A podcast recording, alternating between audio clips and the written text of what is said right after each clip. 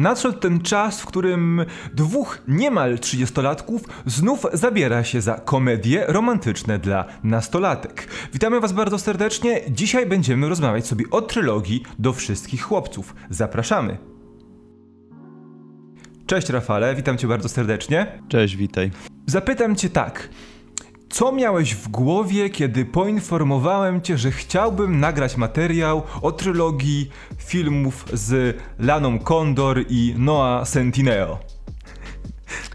Yy, najpierw miałem what the, a później yy, znowu jakieś yy, nie do końca pasujące do mnie filmy, czy coś takiego. Yy, ale muszę przyznać, że tym razem się całkiem miło, e, miło zaskoczyłem, bo e, te filmy, ta trylogia już, mm, to jest naprawdę bardzo przyjemny kawałek kina, oczywiście absolutnie niekierowanego do mnie, no ale przynajmniej tym razem mogłem coś obejrzeć sobie wieczorem bez bólu i zgrzytania zębów. Więc dziękuję, że nie wybrałeś nic w stylu The Kissing Booth. No właśnie, bo kilka miesięcy temu, kiedy ukazała się druga część The Kissing Booth, zrobiliśmy materiał. Możecie go sprawdzić. Link będzie. Czekaj, muszę sprawdzić tutaj albo na dole w opisie. I byliśmy przerażeni tym, jakie w ogóle typy charakteru i jakie relacje promowała, promowuje ta seria, która również zakończy się jako trylogia Tutaj natomiast, gdy sięgamy po, do wszystkich chłopców i tak dalej, um, mamy wrażenie, że naprawdę pomysł był ciekawy na ten film i na też tę wiadomość, którą chciałoby, e, chciałaby ta seria przekazać, bo tak naprawdę nie wiemy, ile z tego wszystkiego to zasługa Jenny Han, czyli autorki książek, bo książek nie czytaliśmy, a ile twórców e, filmu, ale mamy wrażenie, że to kierunek w dobrą stronę. To znaczy, ja mam takie wrażenie, ja bym chciał, żeby tak było, żeby ta seria, ta trylogia była wyznacznikiem poziomu komedii romantycznej dla romantycznych dla nastolatków, żeby wszystko, wszystko to, co sięgnie tego poziomu, było ok i będziemy szanować, a jeśli będzie coś chciało dodać coś nowego, coś świeżego, to lepiej dla nich, ale żeby nie schodzić poniżej tego poziomu, bo jak zaraz się przekonacie, mam nadzieję, że ty też się przekonasz, ten, e, ta seria dostarcza naprawdę kilku ciekawych rozwiązań i pokazuje świat komedii romantycznych z trochę innej perspektywy. Oczywiście, to nadal jest świat, w którym musimy uwierzyć, że pewne rzeczy mogą się wydarzyć, bo to jest świat jednak tej sfery, sfery wyższej, nie takich zwykłych ludzi jak my, ale jednocześnie jest tam naprawdę wiele fajnych elementów, które mądrze pokazują relacje, mądrze pokazują to, jakich wyborów trzeba dokonać w młodym życiu i mm, też bohaterowie. Bohaterowie są faktycznie ludźmi, a nie, stereotypo- a nie chodzącymi stereotypami z sześciopakami na brzuchach. Właśnie o tych bohaterach, może na nich się chwilkę skupmy, bo faktycznie to jest coś, co w tym filmie, w tej serii filmów mnie y, tak zauroczyło i sprawiło, że naprawdę chciałem oglądać dalej losy tych bohaterów, bo mm, jest ich tutaj kilkoro. Oczywiście Lara Jean jest tą główną bohaterką i to jej losy śledzimy przez wszystkie trzy części. Mm, no ale mamy ten, ten, ten wachlarz powiedzmy bohaterów drugoplanowych, z których każdy mógłby być jakiegoś rodzaju stereotypem, ale zupełnie się z tych ram wyłamuje, bo mm, mamy chociażby Petera, czyli chłopaka głównej bohaterki, który mógłby być stereotypowym bucem, szkolnym sportowcem bez krzty mózgu, tak jak są przedstawiani zazwyczaj y, sportowcy jak, jako tempe osiłki. Y, Peter jest fantastyczny, to jest w ogóle moja ulubiona postać w tej całej serii. Y, jest no jest oczywiście wysportowany, jest, y, ma, jest taki towarzyski bardzo, ale jest też bardzo uczuciowy i kochany i opiekuńczy względem naszej bohaterki.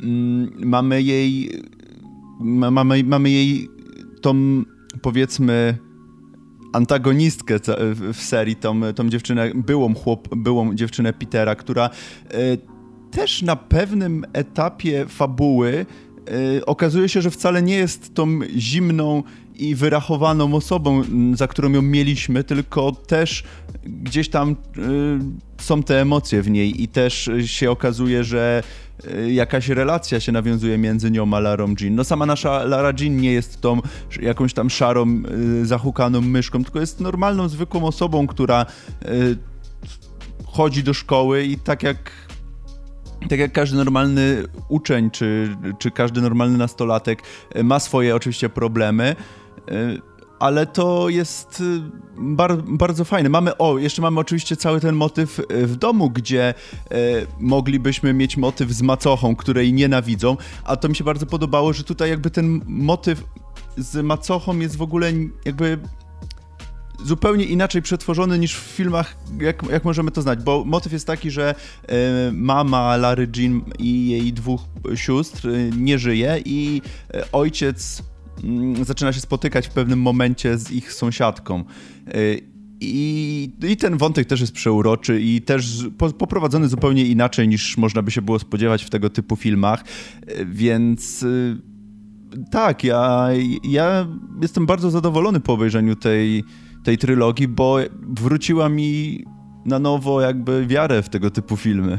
Masz rację, bo y, cała grupa naszych, w ogóle w drugiej części tego filmu y, okazuje się, że cała szóstka naszych głównych bohaterów, czyli Lara Jean, Peter, Chrissy, Jen, Trevor i John Ambrose znają się od najmłodszych lat y, i to ma osadzenie w fabule, ale oni tak naprawdę, ich znajomość cały czas ewoluowała, cały czas się zmieniała i tak jak ładnie powiedziałeś, Jean na początku jest antagonistką, tą wredną dziewczyną, dziewczyną, która chce odbić e, z powrotem chłopaka dla siebie, Petera dla siebie, ale w miarę upływu czasu jej rola w tej przestrzeni się zmienia.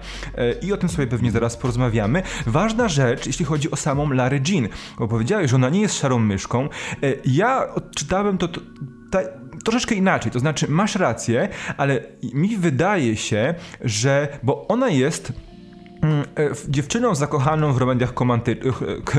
romediach komantycznych, w romkomach i ona wszystko widzi przez pryzmat tego, jak takie związki wyglądają w romansach, prawda? Bardzo szybko mhm. zderza się z tym, że miłość w faktycznym życiu tak nie wygląda i budowanie relacji tak nie wygląda. I to nie jest tak, że po tym jak para kochanków będzie w końcu ze sobą, to jest y, i żyli długo i szczęśliwie, prawda? To są też rzeczy, które te nowe serie komedii romantycznych, szczególnie dla młodych ludzi, zmieniają. I wydaje mi się, że to jest naprawdę dobry symptom, ale ważne jest to, że ten film właśnie bardzo mocno chce nawiązywać do wszystkich romansów, bo pojawiają się tutaj odniesienia do filmów młodzieżowych Johna Hughesa, jest wzmianka dosyć mocna o Nic nie mów z Cusackiem, e, jest, mhm. jest oczywiście Romeo i Julia, e, baza Lerma, Lermana, jest tego mnóstwo i to tylko buduje tę postać. Ja mam wrażenie, e, miałem odniosłem takie wrażenie, że ta postać na początku jest troszeczkę niekonsekwentnie napisana, dlatego że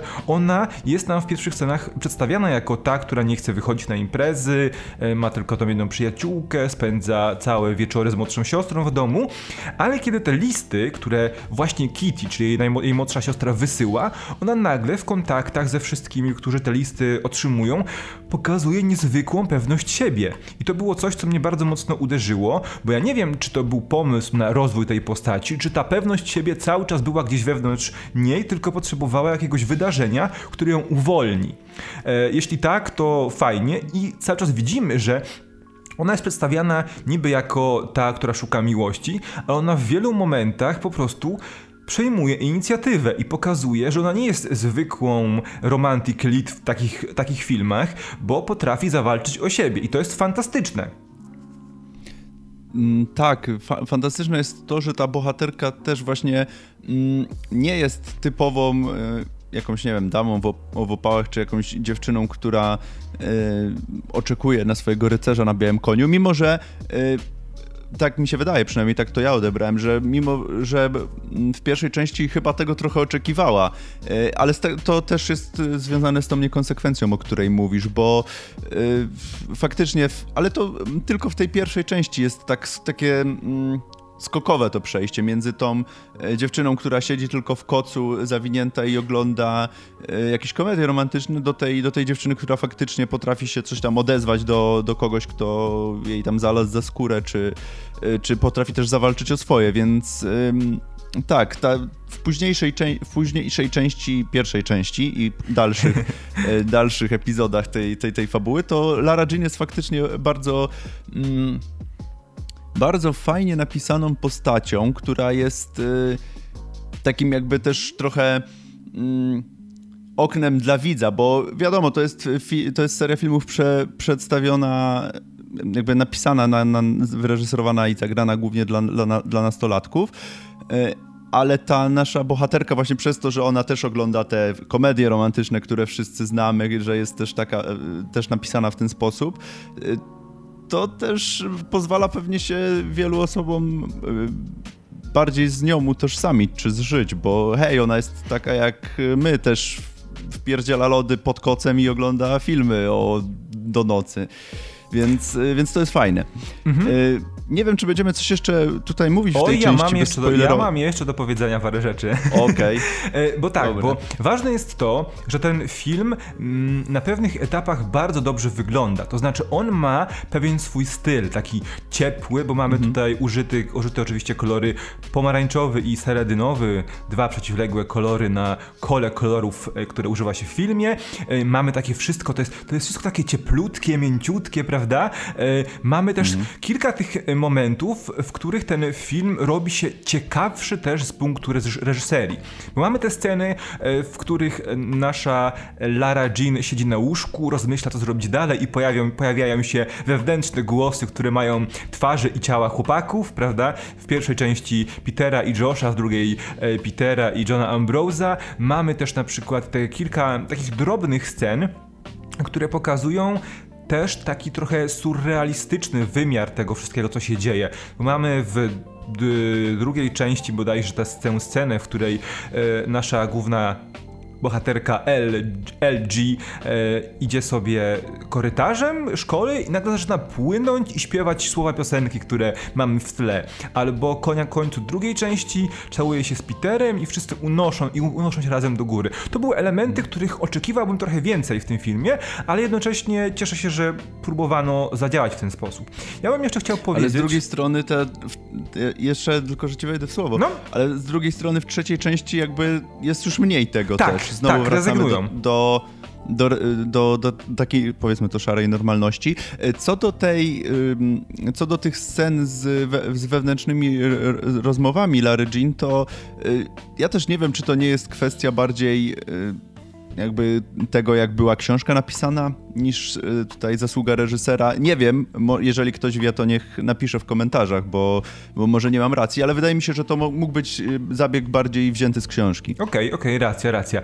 Tak na koniec jeszcze dwie rzeczy, bo to, ja to zauważyłem i nie jestem pewny, czy to się potwierdziło, czy to się potwierdza z tym, jaki, jaki był pomysł na ten film, że to, co dzieje się w pokoju e, Larry Jean jest, jest odzwierciedleniem stanu wewnętrznego, stanu uczuciowego, w jakim się obecnie znajduje. Bo jej pokój z reguły, w jej pokoju z reguły jest bałagan. I to nie tylko wtedy, kiedy czuje się smutna, ale też na przykład w, w tych momentach, kiedy jest euforycznie chaotyczna.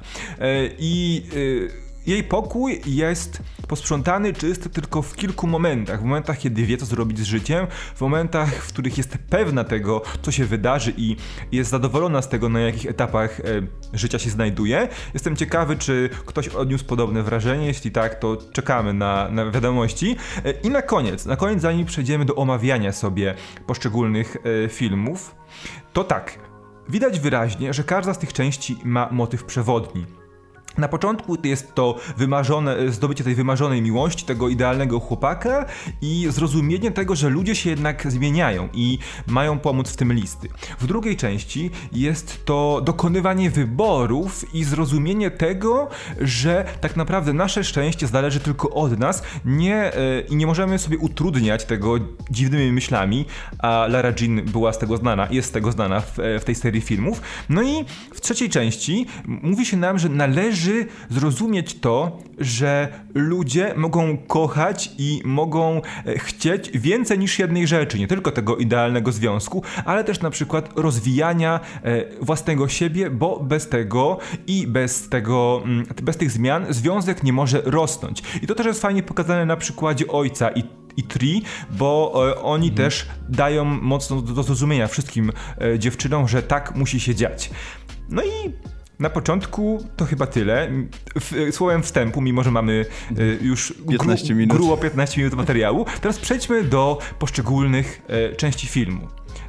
Rafale, może tak jak wspom- Tak, tak. Tak jak wspomnieliśmy, mm, tak jak wspomnieliśmy, ten film pierwszy do wszystkich chłopców, których kochałam, ma motyw przewodni, w którym dowiadujemy się, że nasza główna bohaterka kiedyś przeszłości napisała pięć listów do pięciu różnych chłopaków, których na pewnym etapie gdzieś tam swojego życia kochała e, czy podkochiwała się w nich. W, będąc już w liceum, będąc już e, nastolatką, e, okazuje się w pewnym momencie, że listy te, które trzymała zamknięte w szafie w seledynowym pojemniczku, nagle wypłynęły i dotarły do swoich adresatów.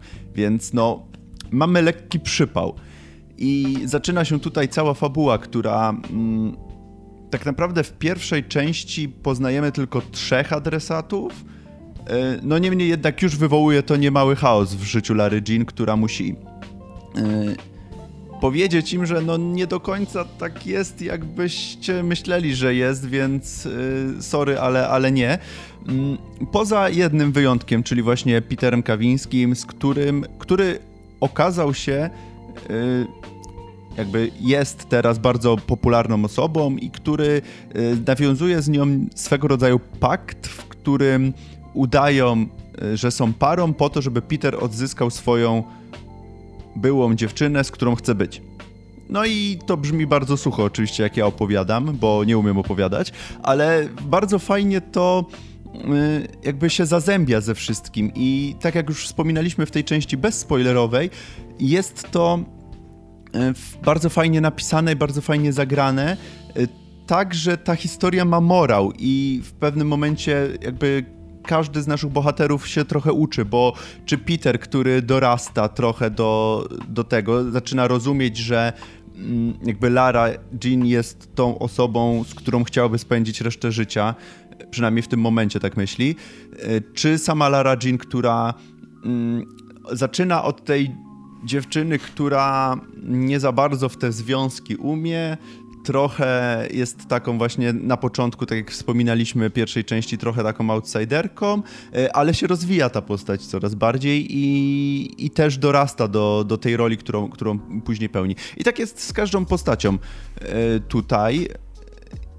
I, no i oczywiście w, gdzieś tam w, w tle mamy jeszcze wąt, wątek tych wątek sióstr, wątek ojca, więc to y, jakby pierwsza część kończy się motywem, że Peter i Lara zostają razem. Naprawdę. Teraz moja kolej. Mogę? Tak, tak, proszę, proszę, proszę. E, wiesz co? Tak ty, ja, ja, ty mnie ty tak streszczasz, a ja będę trochę dopowiadał, bo tutaj ewidentnie okay. widać, bo właśnie bardzo szybko Lara Jean zmienia trochę swoje nastawienie, no bo jak w momencie, kiedy Peter informuje e, Larę Jean, że, dostała, że dostał list, co ona robi? Skacze na niego i zaczyna go całować po to, aby e, odczepił się na razie od niej Josh, czyli inna mhm. postać, która otrzymała list. I tu widzimy, że posunęła się do bardzo agresywnego podejścia do osoby, na której jej nie zależy, prawda? Peter bardzo szybko podłapuje to, co się działo i tak naprawdę ja miałem takie wrażenie, że gdyby on nie lubił e, Larry Jean, gdyby on nie czuł, że to jest odpowiednia dla niego osoba, to on by się nigdy nie zdecydował na ten udawany związek. E, fajne jest też to, że oni spisują kontrakt. E, I ten kontrakt jest bardzo istotny, bo on pojawia się, te kontrakty właściwie, bo jest ich kilka, pojawia się kontrakt, który spisuje Lara Jean, co im wolno, czego nie wolno, co muszą robić, a czego nie mogą robić, jako ta udawana para. I on obowiązuje, ale w finale kiedy decydują się być razem naprawdę, to Peter proponuje, czyli co, w takim razie musi mi spisać nowy kontrakt, na co odpowiedź brzmi, no nie, bo sobie ufamy, więc w takim razie nie potrzebujemy tego kontraktu. I to wszystko wraca w finale całej serii, gdzie to Peter e, postanawia napisać taki kontrakt, ale kontrakt zupełnie w innym kontekście. I to jest fajne. E, podoba mi się też to, jak wyglądają wielkie romantyczne gesty w tym filmie, ale w całej serii. Dlatego, że z reguły e, rękę, jakby kryzys, o tym mówiliśmy już kilkukrotnie, że jest coś takiego, taki trop w komediach romantycznych jak kryzys trzeciego aktu, który jest tą kulminacją, następuje rozłąka naszych kochanków i później dzieje się coś, co sprawia, że do siebie wracają. W pierwszym filmie, o którym właśnie opowiedzia, opowiedziałeś, e, ten błąd popełnia Lara Jean decyduje się na rozstanie i to ona, pewna siebie kobieta, która chce walczyć o swoje, decyduje się, że teraz jest ten moment na wykonanie tego wielkiego romantycznego gestu i odzyskanie Petera Naprawdę. I to robi. I to zmienia się w kontekście tego, kto popełnia jakiś błąd w każdej części filmu, bo z reguły te błędy wynikają nie z jakichś głupot, co jest też nowum w tego typu filmach, ale. Zdecydowanie. Ale z tego, że czują się w momentach niepewnie. Nie wiedzą, jak wygląda ich relacja w związku, nie wiedzą, na czym stoją i postanawiają się wycofać, a później, po zrozumieniu błędu, przepraszają tak naprawdę, e, rozmawiają ze sobą i oczywiście te rozmowy mogą, mogłyby pojawić się na wcześniejszym etapie, ale w konwencji tego e, komedii romantycznych się nie pojawiają. I później ta osoba odpowiedzialna za błąd, nie mężczyzna e, czy nie kobieta, tylko osoba odpowiedzialna za błąd staje na wysokości zadania i sprawia, że mówi hej, popełniłem, popełniłam błąd, chcę jednak, żebyśmy byli razem i to e, jest pokazywane właśnie poprzez wszystkie części filmu. Teraz może część druga, czyli do wszystkich chłopców PS wciąż cię kocham. Druga część zaczyna się w momencie, kiedy nasza dwójka bohaterów jest już parą, czyli e, jakby każdy dopiął swego i, i, i zostali parą. Motyw, który się tutaj pojawia, e, to motyw pogodzenia się z tym, że kiedyś było inaczej i zrozumienia, że tak naprawdę e, jakby wyzbycia się tych obaw z siebie też związanych z, z, z tą drugą osobą, bo Lara Jean ma tutaj bardzo, jest jednym wielkim kłębkiem nerwów tak naprawdę, e, ponieważ cały czas porównuje się do byłej Petera i mm, jest tutaj taki motyw, że ona cały czas mówi, że Peter wszystkie te rzeczy, które robi teraz z nią, robił już wcześniej pierwszy raz o, że dla niej te wszystkie rzeczy są jakby pierwszym razem, pierwsze tam, nie wiem, wyjście gdzieś, czy na imprezę, czy coś tam zrobienie, czy, czy pójście na lody, nie wiem. E, natomiast on już to robił i jest to problem dla Larry Jean. Oczywiście dla mnie w trakcie oglądania filmu to nie był problem, bo jestem prawie 30-letnim starym prykiem, więc no nie, nie przeszkadzało mi to. Natomiast wracając myślami do, do, do jakby swoim, swoich młodzieńczych lat, to wydaje się, że faktycznie mógł być to wtedy problem.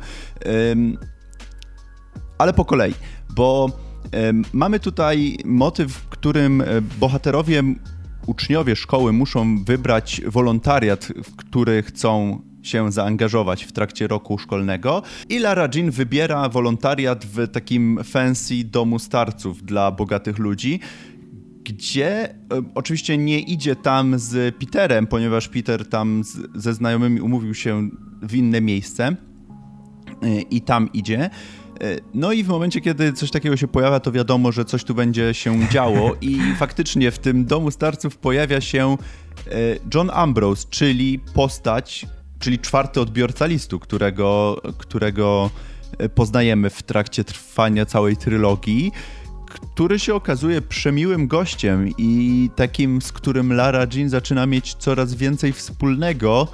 Mm, I tutaj znowu kolejne wątpliwości się pojawiają, bo skoro Peter wszystkie swoje pierwsze razy ma już za sobą i wszystkie przeżył ze swoją byłą, a tutaj mamy Johna Ambrosa, który jest który e, interesuje się też e, literaturą, który jest przemiły, przeuprzejmy i e, jest też mega przystojny, więc może by skręcić w tą stronę. No i jakby na tych rozterkach opiera się tutaj cały, cały, cała fabuła drugiej części.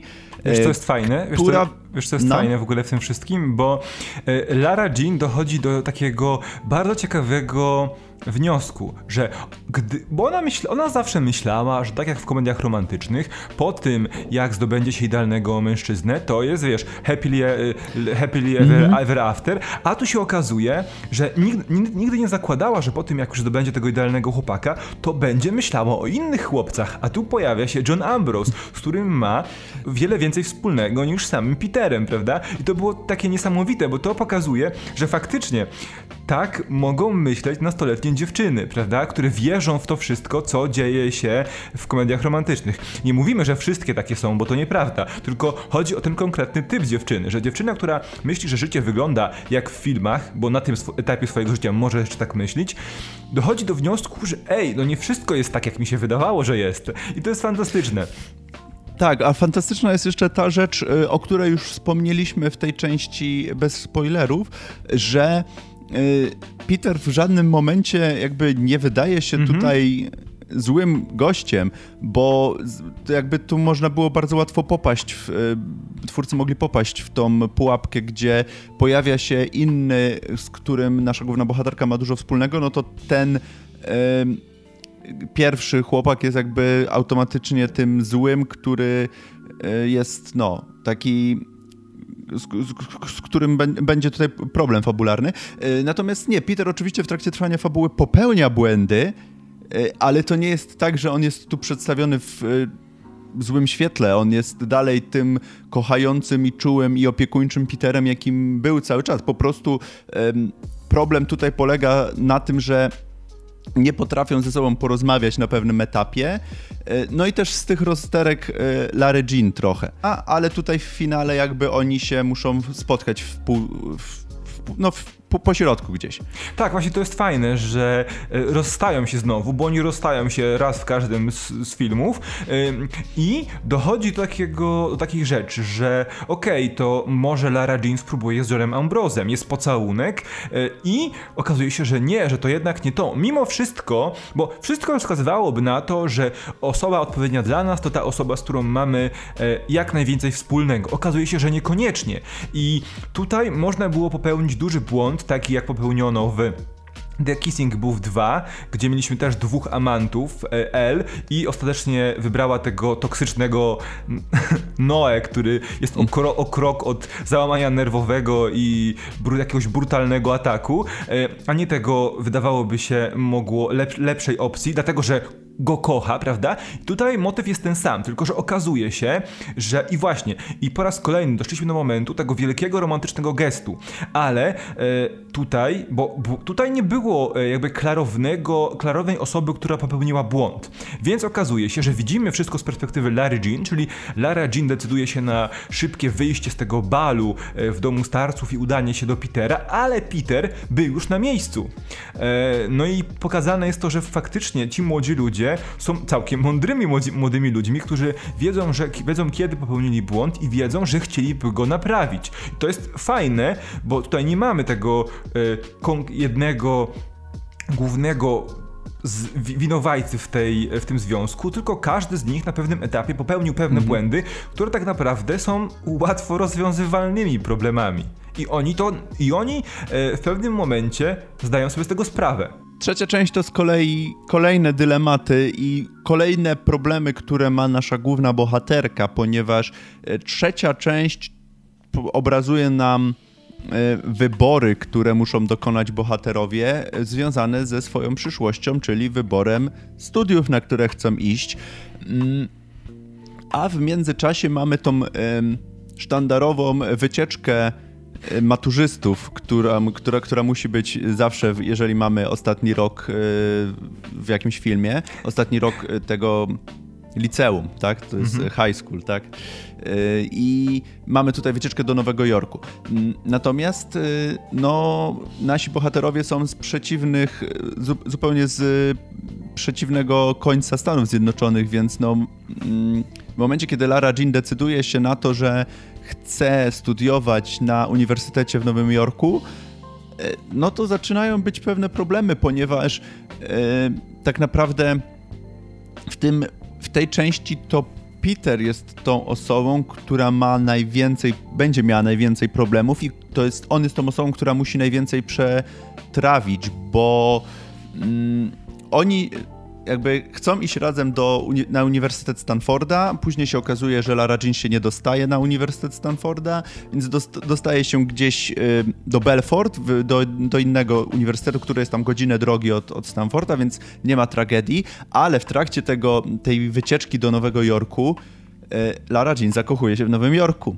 i chce, i chce pozostać tam, i tam chce studiować, tam chce się rozwijać. I to jest ten fantastyczny motyw, że tak naprawdę wszystkie postacie mówią jej oprócz Petera, oprócz Petera, bo Peter oczywiście nie rozmawiałem ze sobą, e, ale wszystkie postacie, z którymi rozmawiałem, czyli e, jej siostry, jej ta przyjaciółka, e, jej ojciec, mm, mówią, żeby szła za głosem serca, jakby ten związek, ta relacja romantyczna, którą ma, nie może stopować jej rozwoju osobistego i to powinno, jakby ten rozwój osobisty powinien być na pierwszym miejscu.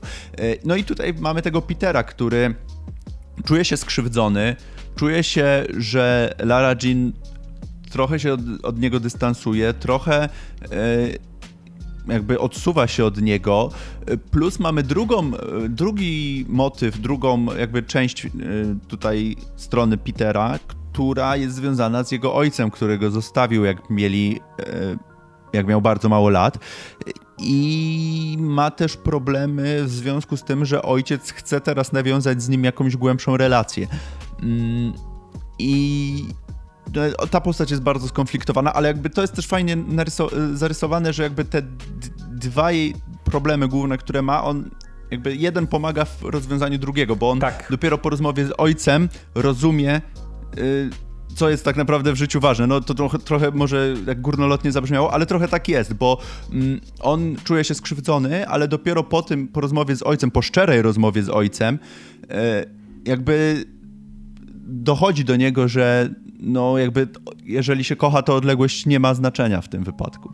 Tak, kilka rzeczy. W ogóle Peter z każdą częścią ma poważniejszego bossa do pokonania. Bo w pierwszej części to był Josh, tak, tak, sobie, tak sobie trywializujemy. W pierwszej części to był Josh, w drugiej to był John Ambrose, o wiele lepszy kąsek, a w trzeciej części to jest w ogóle Nowy Jork, więc już w ogóle potężny przeciwnik, final, final boss, ale Finałowy. tak. Fantastyczne jest też to, że e, Lara Jean nie mówi e, Peterowi, że, do, że nie dostała się do Stanford, bo przez przypadek wysyła, jej, wysyła mu wiadomość, która miała być kierowana do Margot, czyli do jej y, starszej siostry. Y, I później, gdy są w Nowym Jorku, ona mu o tym mówi i ona właśnie, jako ta nauczona reakcji w relacjach po komediach romantycznych, spodziewa się, że to będzie wielki koniec, że Peter tego nie zrozumie, że Peter y, stwierdzi, że nie, to my się rozstajemy, bo ta odległość, bo jakby ta odległość, czy godzina drogi to jest za dużo, te 50 minut to jest za dużo, a Peter po raz kolejny pokazuje, że jest niezwykle opiekuńczy, niezwykle troskliwy, niezwykle rozumiejący to, co dzieje się w jej życiu i pierwsze, co robi, to pyta, jak się czujesz. To pyta, e, czy, e, mhm. czy, czy wszystko w porządku, z racji tego, że Stanford też było twoim marzeniem. I od razu, bardzo błyskawicznie właściwie, wymyśla plan, co zrobić dalej i jak ich związek ma dalej wyglądać. Więc jakby on na każdym etapie pokazuje, że faktycznie zależy mu na e, Larze Jean. E, tak, i jeszcze, e, jeszcze chciałem wspomnieć właśnie o tym, e, że to spotkanie z ojcem ma ostatecznie przełożenie na to, bo w tej części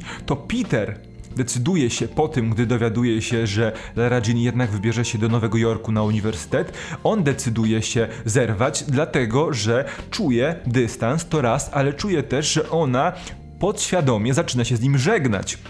Mimo że jeszcze nie skończył się nawet e, rok szkolny i postanawia, że to wszystko, koniec, w takim razie nie chcę, nie chcę, żebyś złamała mi serca, ja się wycofuję teraz i po rozmowie z ojcem dochodzi do tego wniosku, że w takim razie raz, że możemy kochać więcej niż jedną rzecz, to znaczy możemy kochać kogoś, a jednocześnie możemy chcieć realizować własne cele. Dwa, że również w związku ważne jest to, żeby rosnąć i rozkwitać, a jednocześnie jeśli mają być razem, jeśli są dla siebie stworzeni, mają być ze sobą zawsze i na zawsze, no to takie 3000 km nie jest żadnym problemem, szczególnie, że ma trwać to tylko 4 lata. Nie jest żadnym...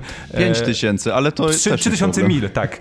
Nie ma, żad, no. nie ma żadnego znaczenia w kontekście ich życia wspólnego. Więc to jest też, to jest naprawdę ładne i pokazuje, że można tworzyć problemy i konflikty, na których będzie bazowała komedia romantyczna, nie antagonizując żadnego z bohaterów. Podsumowując, trylogia do wszystkich chłopców jest fantastycznym przedstawicielem gatunku, który mm, można pokazać wszystkim osobom nieprzekonanym. Jeżeli ktoś uważa, że filmy dla nastolatków to są filmy tylko głupie i infantylne, to tak, faktycznie w, większej, w większości przypadków tak jest, ale ten, jakby ta trylogia, ta seria filmów jest fantastycznym przykładem na to, jak można robić tego typu kino, które naprawdę jakby dużo wnosi i no może nie do mojego życia, ale do życia młodej osoby jak najbardziej. Pokazuje bardzo fajne wartości, pokazuje, że tak naprawdę nie musisz popadać w te stereotypy, które na początku się wydaje, że, że jesteś tym stereotypem. Naprawdę wcale tak nie musi być.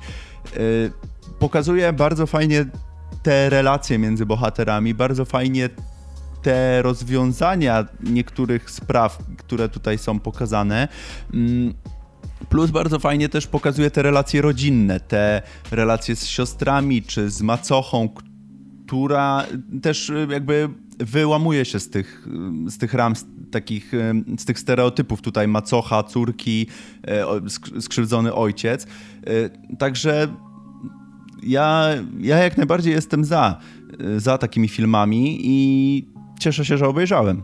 Rafale, bo to nie jest tak, że my zawsze musimy rozmawiać o filmach, które są skierowane wyłącznie do nas. Możemy też sobie porozmawiać o filmach, które nam się podobają, bo wiemy, że mają w sobie Oczywiście. jakąś wartość, która może pomóc innym. E, I e, zdecydowanie zgadzam się, że tak, bo my w ogóle nie wspomnieliśmy o wątku właśnie małżeństwa i w ogóle ślubu i wesela, który jest istotny w trzeciej części. E, mhm. I tak, i to jest naprawdę bardzo ciekawy film, bardzo dobrze, bardzo mądry film, który jednocześnie pokazuje, że można zrobić dobre filmy, nie krzywdzące w żaden sposób spojrzenia młodych ludzi na świat, nie idealizujących, czy może troszeczkę, e, romansów nastoletnich, tylko pokazujące jak to, wiadomo, że troszeczkę przez różowe okulary, ale pokazujących w bardziej realny sposób to, jak one wyglądają. I to jest duża zasługa tego filmu. E, no i powiem Ci tak, że ja po obejrzeniu tych filmów rozumiem w ogóle fenomen e, Noah Centineo, dlatego, że ja nie, nie wiedziałem, dlaczego, dlaczego, dlaczego on jest tak popularny, dlaczego pojawi, pojawia się w coraz większej liczbie filmów, ale on mi bardzo mocno swoim zachowaniem, swo wyglądem trochę też, ale zachowaniem zachowaniem i manierami przypomina Ashtona Kutchera. No a Ashton Kutcher to też jest jednak okay. gwiazda filmów romantycznych. Przez lata był gwiazdą komedii romantycznych i od tego nie uciekniemy, więc wydaje mi się, że to porównanie jest dobre i też pokazuje, że na Sentineo no, czeka w tej, w tej sferze filmów e, dobra, duża kariera, mimo że za moment pojawi się w, w, w Black Adamie. no dobrze. E, no i w Masters of the Universe jako He-Man. No tak, tak tak, no, za, zapomniałem, masz rację. Więc e, powiemy wam tak, jeszcze na koniec, w podsumowaniu, ten film ma mnóstwo perełek muzycznych. Momentami jest ich za dużo, momentami wylewają się e, z ekranu jak playlista, ale łącznie z fantastycznym Beginning, Middle, The End, który się staje piosenką naszej pary, jest tam naprawdę mnóstwo fantastycznej muzyki. E, polecam wam sprawdzić sobie playlisty, bo większość to są utwory, które znam, które lubię, mimo że są około popowe utwory, to są fantastyczna, fantastyczna muzyka. E, no i tak, to od nas tyle, to niesamowicie długi materiał, ale y, i tak, i tak nie przeleciliśmy przez wszystkie moje notatki, Rafale, więc y, myślę, że to i tak jeszcze sporo... Dobrze, dobrze, trzeba było skracać, bo... że jeszcze, jeszcze mógłbym chwilę tutaj po, poopowiadać. Y, teraz czekamy na was. Dajcie znać, co w ogóle myślicie o tej serii. Czy również jesteście zadowoleni z tego, jak się zakończyła? Co ze sobą niosła, e, a być może macie zupełnie inne odczucia po obejrzeniu trylogii do wszystkich chłopców, których kochałam, do wszystkich chłopców PS wciąż cię kocham i do wszystkich chłopców zawsze i na zawsze. My wam bardzo dziękujemy za to, że do, jeśli dotrwaliście do tego etapu materiału. E, jeśli wam się podobało, zostawcie łapkę do góry. Jeśli macie coś do dodania, zostawcie komentarz. No i widzimy się w następnych materiałach. Zajrzyjcie na nasz kanał, tam jest dużo ciekawych rzeczy, również poświęconych produkcjom młodzieżowym. Ja Ci, Rafale, bardzo dziękuję. Dzięki. Trzymajcie się. I do zobaczenia. Cześć. Cześć.